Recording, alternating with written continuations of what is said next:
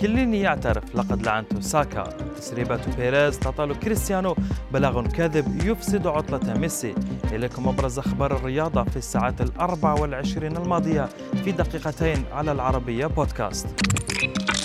اعترف قائد منتخب إيطاليا جورجو كيليني بإلقائه لعنة على لاعب منتخب إنجلترا ساكا أثناء تنفيذه للركلة الترجيحية الخامسة في نهائي كأس أوروبا. وبالفعل التقطت الكاميرات كيليني وهو يستعمل كلمة kiricocho والنتيجة إضاعة ساكا لتلك الركلة. هذه الكلمة الغريبة تستعملها جماهير نادي ستوديانتس الأرجنتيني وتعني أنت منحوس. نجم الأتزوري برناردسكي ضرب عصفورين بحجر واحد. الاحتفال بالكأس الأوروبية والآن ها هو يحتفل بزواجه بعد يومين فقط من نهاية البطولة.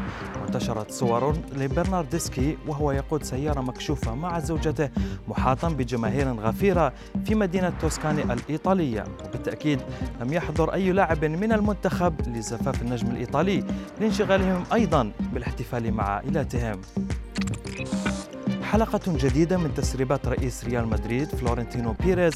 وهذه المرة طالت التسريبات الثنائي البرتغالي جوزي مورينيو وكريستيانو رونالدو حيث وصفهما بيريز في عام 2012 بالحمقى والمرضى. وبحسب صحيفة الكونفيدنسيال فإن بيريز أيضا نعت مورينيو ورونالدو بالمغرورين. وتأتي هذه التسريبات بعد يوم واحد فقط على نشر التسجيل الصوتي لرئيس الريال وهو يتحدث عن كاسياس وراؤول غونزاليس. وفي الجانب الآخر من العالم عكر إنذار كاذب لقنبلة صفو ميسي وعائلته قبل التوجه إلى إسبانيا لقضاء العطلة الصيفية. واضطر ليو لمغادرة طائرته الخاصة في مطار مدينة روزاريو بعد ادعاء شخص أنه يحمل قنبلة ولم يكن ميسي المتضرر الوحيد من هذا البلاغ بل تم إخلاء المطار من كل المسافرين كإجراء احترازي.